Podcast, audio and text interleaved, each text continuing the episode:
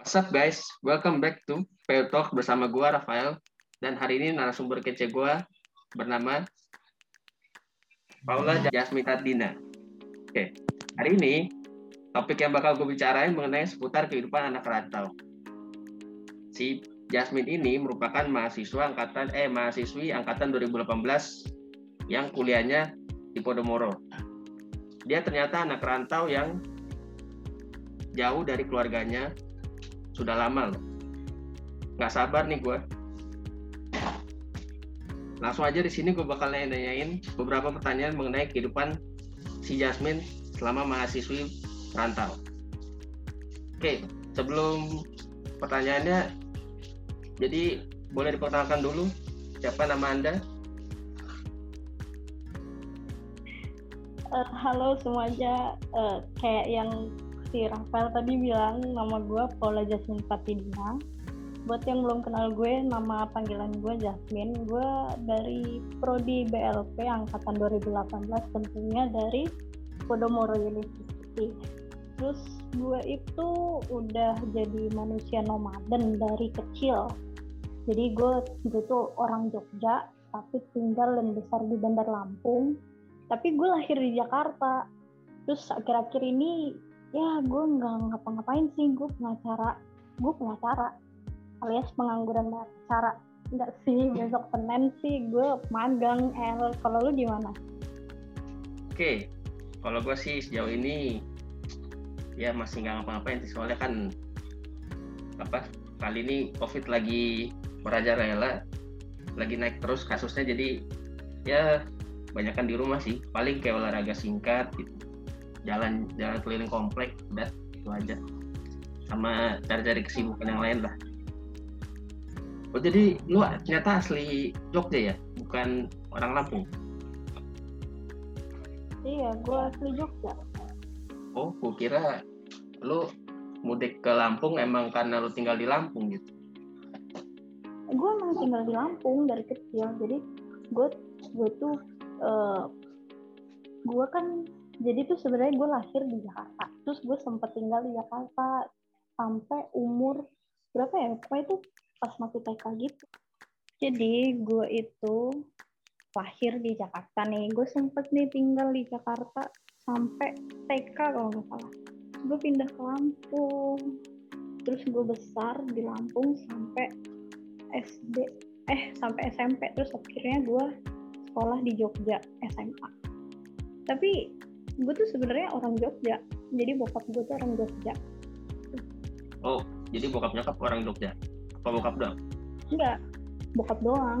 Nyokap itu orang Jawa Timur.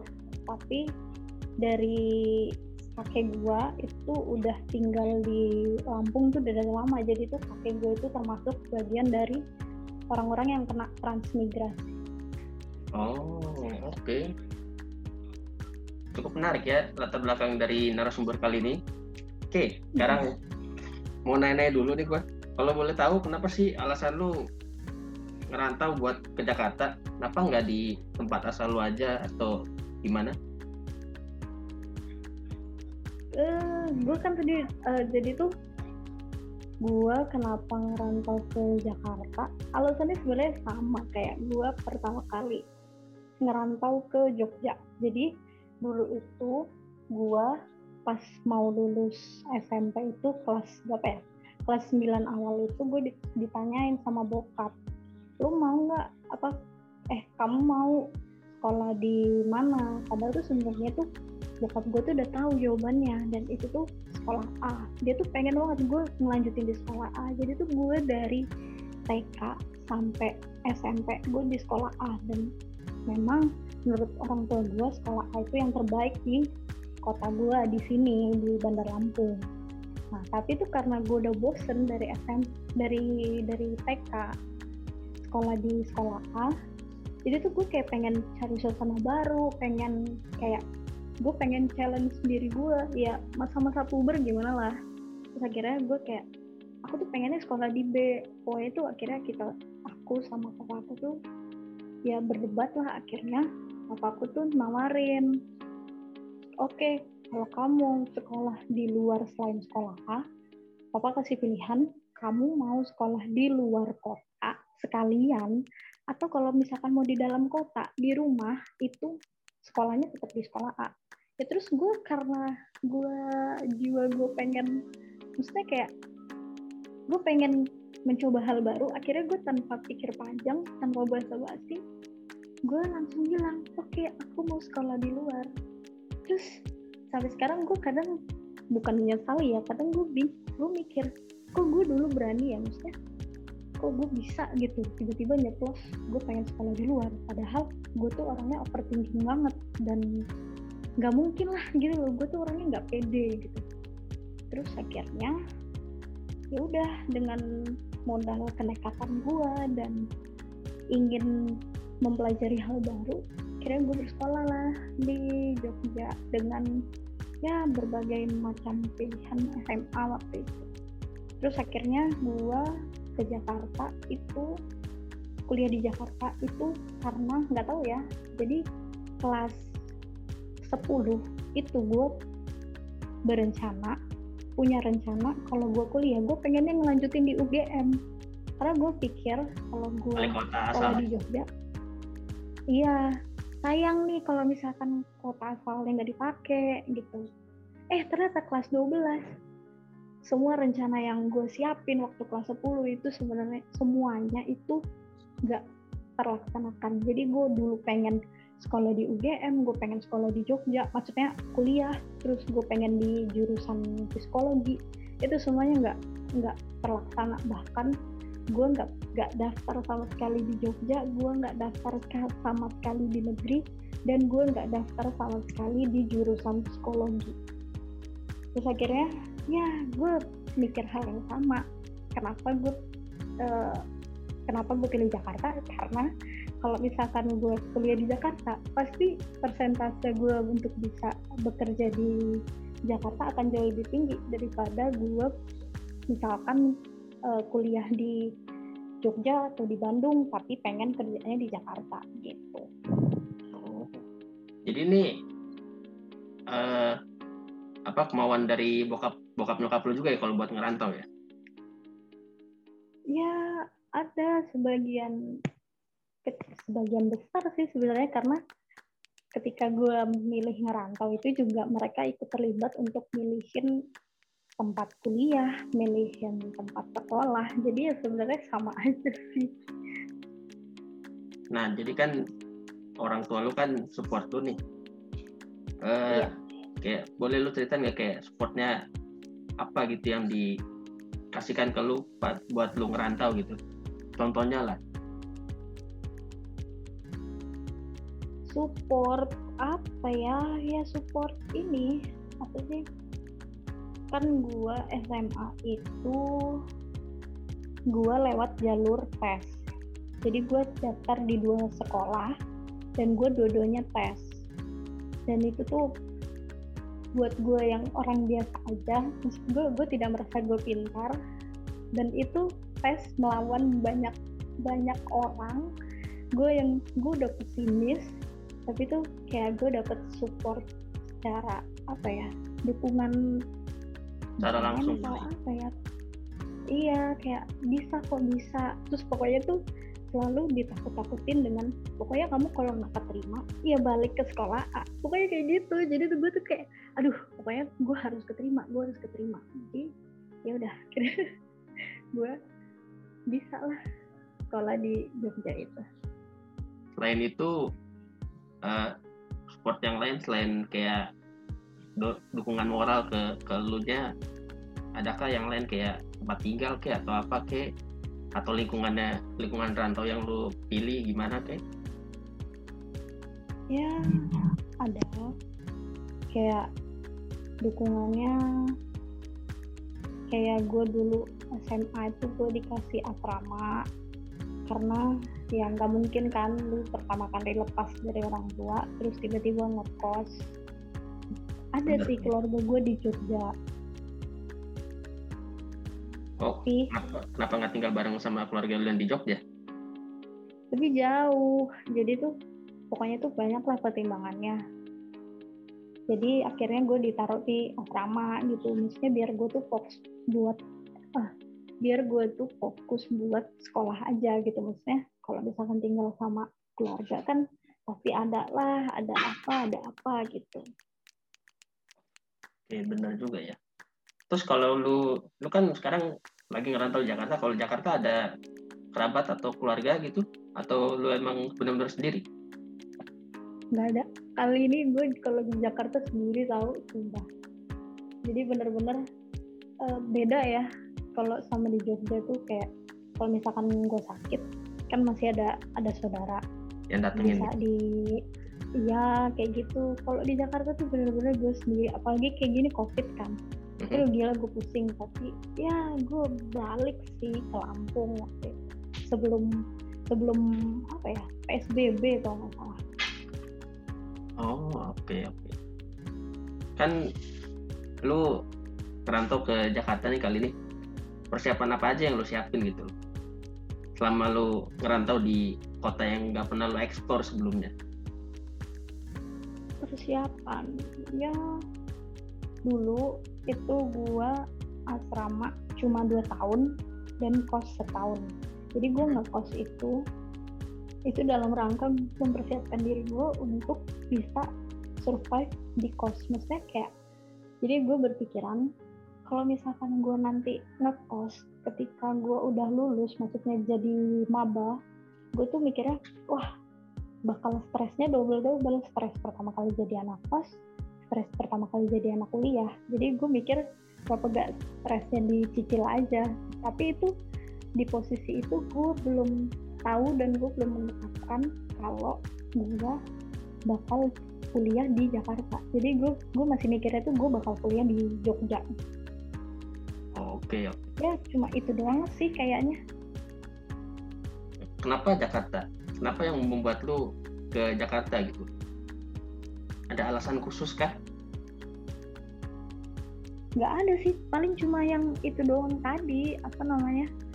Gue pikir kalau misalkan gue kuliah di Jakarta, nanti gue kuliah apa uh, kerjanya kalau mau di Jakarta tuh gampang gitu. Gue mikirnya gitu sih, gue sesimpel itu mikirnya nggak ada alasan khusus karena banyak lapangan pekerjaan aja gitu ya alasannya ya. Iya. Oke. Selama di Jakarta lo ada pasti bertemu dengan banyak-banyak pengalaman kan? Iya. Jadi bisa ceritain pengalaman apa aja yang yang pernah lo alamin lah di Jakarta ini selama ngerantau? Gue sebenarnya ya jujur tau. Gue tuh gak bukan orang yang suka pergi ke mall atau nongkrong-nongkrong di kafe. Pokoknya itu gue tuh orang itu introvert tapi bukan antisosial. Jadi dia gue nggak ke mana-mana sih di Jakarta, cuma gue jarang ke mall dan jarang nongkrong di kafe itu bukan berarti nggak pernah, pernah. Tapi ada satu pengalaman yang apa ya yang menurut gue juga gue alamin sih waktu ketika gue di Jogja. Jadi kan di di Lampung ini 11-12 lah sama logat bicaranya orang Jakarta. Kayak ya just be yourself gitulah okay. terus gue pindah ke Jogja itu dengan yang di sana kayak harus sopan terus uh, harus lembut terus tata kamu. Pokoknya itu yang beda banget lah.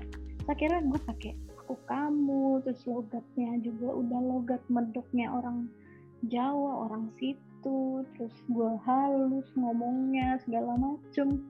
Pindah ke Jakarta yang balik lagi ke maksudnya ke kebiasaan cara ngomong gue yang lama tuh sebenarnya agak kaget juga karena apa ya kayak gue waktu itu pertama kali ngomong sama siapa gitu gue lupa.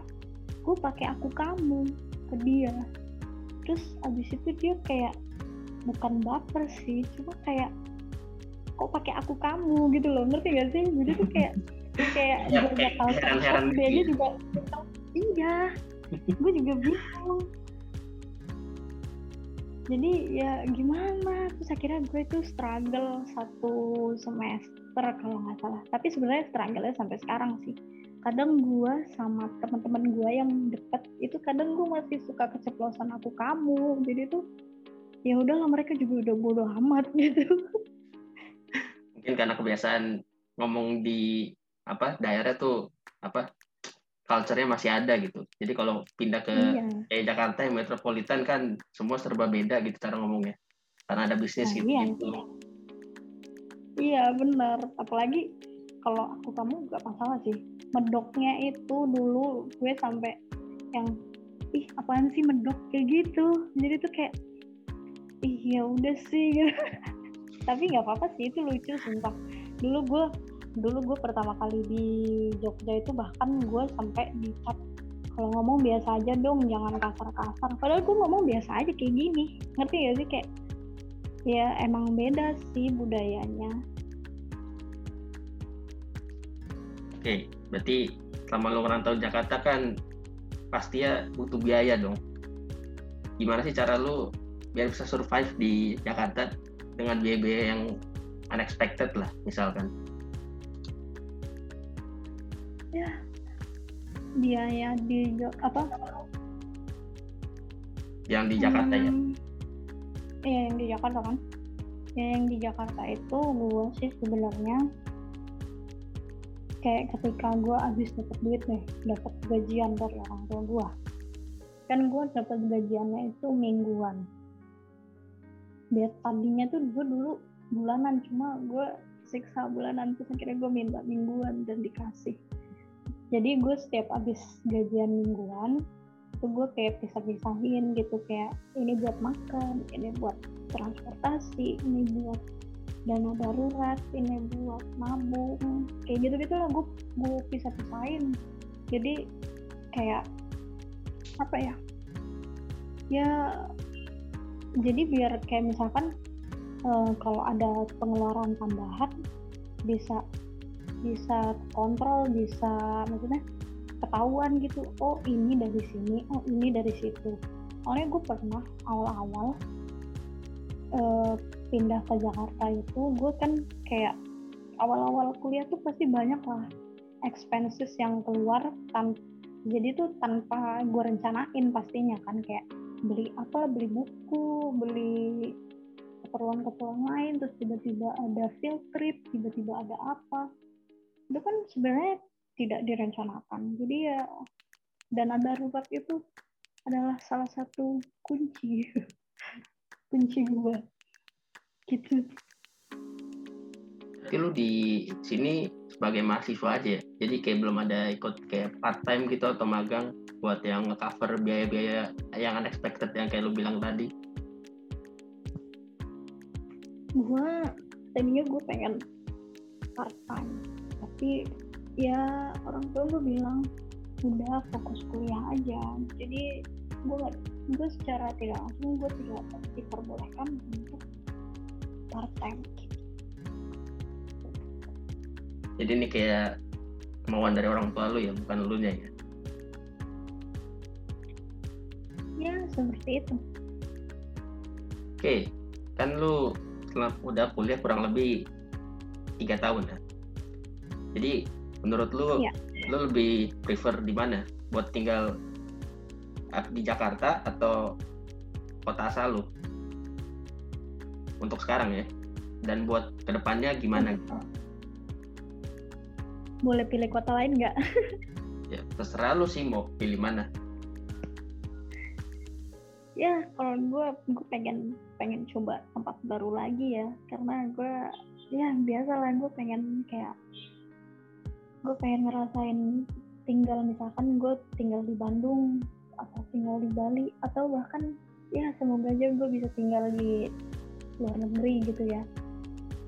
Kalau misalkan dari pilihan lo di Jakarta atau di Bandar Lampung kalau untuk tinggal sih jelas gue lebih prefer di Bandar Lampung. Karena gue bukan bukan anak kota yang suka main ke mall atau suka nongkrong. Jadi gue sebenarnya nggak masalah tinggal di di tempat yang bahkan nggak ada mall gitu. Tapi kalau untuk kerja sih ya pastinya ya Jakarta beda berarti buat ke depannya pilih Jakarta ya? Iya. Jadi selama lu rantau gimana sih cara lu buat manage waktu sehari-hari sebagai mahasiswa sama anak rantau. Manage sehari-hari sebagai mahasiswa dan anak rantau ya kalau misalkan. Kan gue tuh sama orang tua gue udah pokoknya um, gue tuh harus fokus kuliah aja. Jadi gue nggak ada kegiatan, kegiatan lain. Maksud gue di luar kegiatan kampus itu tidak ada. Jadi ya eh, schedule utama gue pastinya kegiatan kampus kayak kegiatan organisasi kegiatan kelas kayak gitu-gitu. Jadi itu pasti yang gue prioritasin. Nah kalau apa jadi uh, apa namanya tadi? Waktu untuk gue sebagai anak rantau kayak misalkan gue nyuci piring, nyuci baju, atau masak atau apa itu gue sesuaiin sama jadwal utama gue kayak misalkan kalau misalkan gue ya pulangnya hari ini sore ya kenapa gue harus maksain untuk masak atau gue harus masak maksain untuk nyuci baju? Kalau misalkan emang jadwal gue lagi padat ya gue ya pilih alternatif lain. Kayak misalkan ngelaundry atau beli makanan. Ya memang itu bakal jadi uh, pengeluaran yang berlebih. Cuma ya biasanya gue gue itu kalau misalkan ada tugas dari kampus atau tugas dari organisasi atau ini pasti gue utamain itu selesai dulu baru gue kerjain yang lain gitu. Dengan apa acara-acara yang lu bikin kan kedengarannya kayak ada padat gitu. Pasti lu ngerasa capek atau bosen gitu kan iya. gimana cara lu ngadepinnya dengan acara-acara yang kayak begitu? Kalau bosen itu gue pasti sering bosen lah ya. Maksudnya bosen ke aduh gue pulang sendiri nggak ada siapa-siapa. Maksudnya di kan gue kos di kamar tuh kalau di rumah kan ada ada mama ada papa ada adik gitu kan. Maksudnya kalau di rumah kan pasti ada penghibur lah ngobrol sama orang tua atau berantem sama adik itu kan juga hiburan. Apa maksudnya sebuah penghiburan? Kalau misalkan di kos itu ya gue sering bosen ya hiburan gue paling kayak nonton atau gue teleponan sama temen gue tapi itu juga jarang ya. Ya gitu doang sih paling kalau misalkan gue lagi capek banget ya gue gue bukan pengen atau religius atau apa sih. Biasanya gue cuma cuma berdoa aja ke Tuhan. Tuhan aku capek deh gitu doang menarik juga ya. Jadi suka duka lu selama menjadi anak rantau menurut lo apa aja? Suka duka. Hmm, sukanya pasti dapat duit jajan jadi gue nggak tahu ya kalau kalau teman-teman yang lain gue nggak tahu gimana kalau gue di rumah itu nggak perlu dapat duit jajan. Jadi gue kalau ngerantau itu pasti gue dapat duit jajan lah pasti. Makanya kadang gue pengen cepet-cepet nih pengen cepet-cepet balik ke tempat asal rantau gue dan gue dapat duit jajan. Tapi nggak enaknya itu lebih banyak karena lu tau homesick nggak? Homesick tuh kayak lu kangen sama rumah lu kangen sama orang tua kayak gitu. Jadi kayak misalkan gue lagi sakit terus gue ngeliat uh, temen gue ketawa keti atau pergi ke gereja sama orang tuanya atau gue lagi down terus ngeliat temen gue lagi sama orang tuanya itu bakal kayak nge-trigger gue untuk gue kangen sama rumah gitu. Jadi suka dukanya beragam campur ya? Iya jadi planning lu buat ke depannya setelah lulus kuliah nanti apa ya? Apa kalau masih mau ngerantau juga pas lu kerja nanti? Bisa jadi. Bisa, bisa jadi iya bisa jadi enggak. Enggak tahu juga. Tapi uh, sejauh ini dua uh, ya menurut apa sih namanya planning gue sih tetap di Jakarta. Cuma kan nggak tahu kan kayak bisa aja ntar kayak ketika gue SMA gue planning kelas 10 gue untuk kuliah dan tinggal di Jogja akhirnya malah di Jakarta. Kan bisa aja gue nanti misalkan kerja di Bali atau kerja di Bandung atau kerja di luar kan gue juga nggak tahu. Jadi ya itu mah ya tiap nanti sih sebenarnya. unexpected ya nanti ya. Iya. Oke boleh boleh kak gue minta kayak pesan-pesan lu buat orang-orang yang ngerantau juga? Pesan-pesan apa? Ya kayak pesan-pesannya kayak buat ngerantau lu mesti bagaimana kayak bagaimana kayak ngasih saran kayak atau gimana? Ya untuk teman-teman atau pokoknya yang teman-teman yang baru mulai pertama kali ngerantau itu sebenarnya merantau itu nggak nggak seserem itu kok. Maksudnya kan sekarang eh, zaman teknologi itu udah makin ini ya. Jadi telepon bisa fit call bisa. Lu kalau mau maksudnya lu kalau banyak duit tuh tinggal terbang balik lagi ke rumah ntar balik lagi ke situ. Maksudnya ya apa ya lu jangan mikir yang aneh-aneh. Kayak lu lu pengen sesuatu ya ya gue bingung tau El gue mau ngomong apa gue nggak tahu gue mau ngasih pesan apa. Ya udah nggak apa-apa. Yang penting untuk berhati-hati aja kali untuk pertama kali orang rantau gitu ya. Iya pokoknya itu ya, ya jangan jangan apa ya namanya?